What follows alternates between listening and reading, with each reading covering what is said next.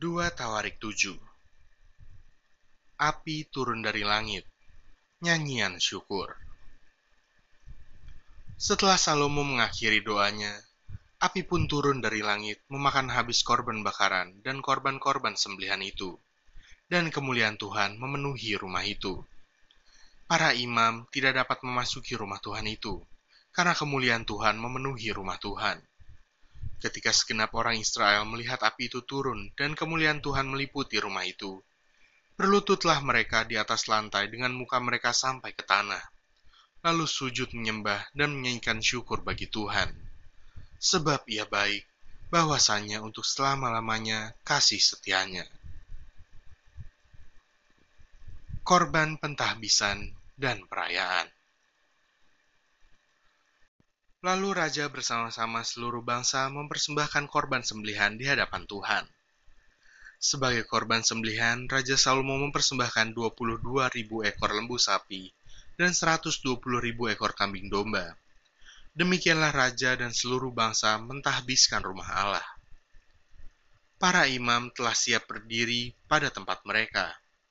Begitu pula orang-orang Lewi telah siap dengan alat-alat musik untuk memuliakan Tuhan yakni alat-alat musik yang dibuat Raja Daud untuk mengiringi nyanyian syukur bagi Tuhan. Bahwasanya untuk selama-lamanya kasih setianya. Setiap kali mereka ditugaskan Daud menyanyikan puji-pujian. Dalam pada itu, para imam berdiri berhadapan dengan mereka sambil meniup nafiri. Sedang segenap orang Israel berdiri.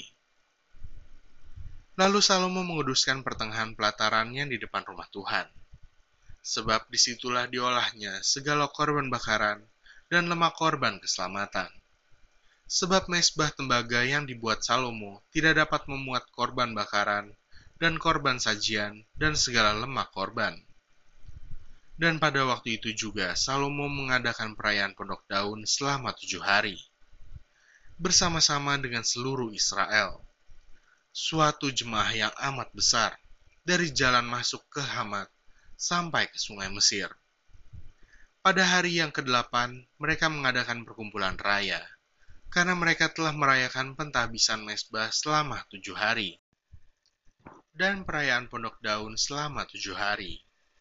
Pada hari yang ke-23, bulan ke-7, disuruhnya bangsa itu pulang ke kemah-kemah mereka, sambil bersuka cita dan bergembira atas kebaikan yang telah dilakukan Tuhan kepada Daud, kepada Salomo, dan kepada orang Israel, umatnya. Tuhan menampakkan diri kepada Salomo untuk kedua kalinya. Demikianlah Salomo menyelesaikan rumah Tuhan dan istana raja, dan berhasil melaksanakan dalam rumah Tuhan dan dalam istananya segala sesuatu yang timbul dalam hatinya. Kemudian Tuhan menampakkan diri kepada Salomo pada malam hari dan berfirman kepadanya, Telah ku dengar doamu, dan telah kupilih tempat ini bagiku sebagai rumah persembahan.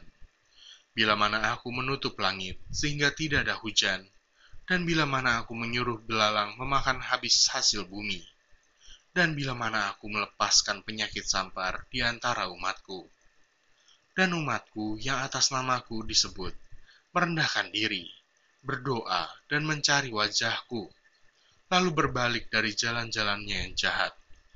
Maka aku akan mendengar dari sorga dan mengampuni dosa mereka, serta memulihkan negeri mereka. Sekarang mataku terbuka dan telingaku menaruh perhatian kepada doa dari tempat ini. Sekarang telah kupilih dan kukuduskan rumah ini, supaya namaku tinggal di situ untuk selama-lamanya. Maka mataku dan hatiku akan ada di situ sepanjang masa mengenai engkau, jika engkau hidup di hadapanku sama seperti Daud ayahmu, dan berbuat sesuai dengan segala yang kuperintahkan kepadamu, dan jika engkau tetap mengikuti segala ketetapan dan peraturanku, maka aku akan meneguhkan tahta kerajaanmu sesuai dengan perjanjian yang telah kuikat dengan Daud ayahmu, dengan berkata, takkan terputus keturunanmu yang memerintah atas Israel. Tetapi jika kamu ini berbalik dan meninggalkan segala ketetapan dan perintahku yang telah kuberikan kepadamu, dan pergi beribadah kepada Allah lain dan sujud menyembah kepadanya, maka aku akan mencabut kamu dari tanahku yang telah kuberikan kepadamu, dan rumah ini yang telah kukuduskan bagi namaku, akan kubuang dari hadapanku, dan akan kujadikan kiasan dan sindiran di antara segala bangsa. Dan setiap orang yang lewat rumah yang amat ditinggikan ini akan tertegun dan berkata, Apakah sebabnya Tuhan berbuat yang demikian kepada negeri ini dan kepada rumah ini? Maka orang akan berkata, sebab mereka meninggalkan Tuhan, Allah nenek moyang mereka, yang membawa mereka keluar dari tanah Mesir, dan sebab mereka berpegang pada Allah lain, dan sujud menyembah kepadanya, dan beribadah kepadanya. Itulah sebabnya ia mendatangkan segala malapetaka ini ke atas mereka.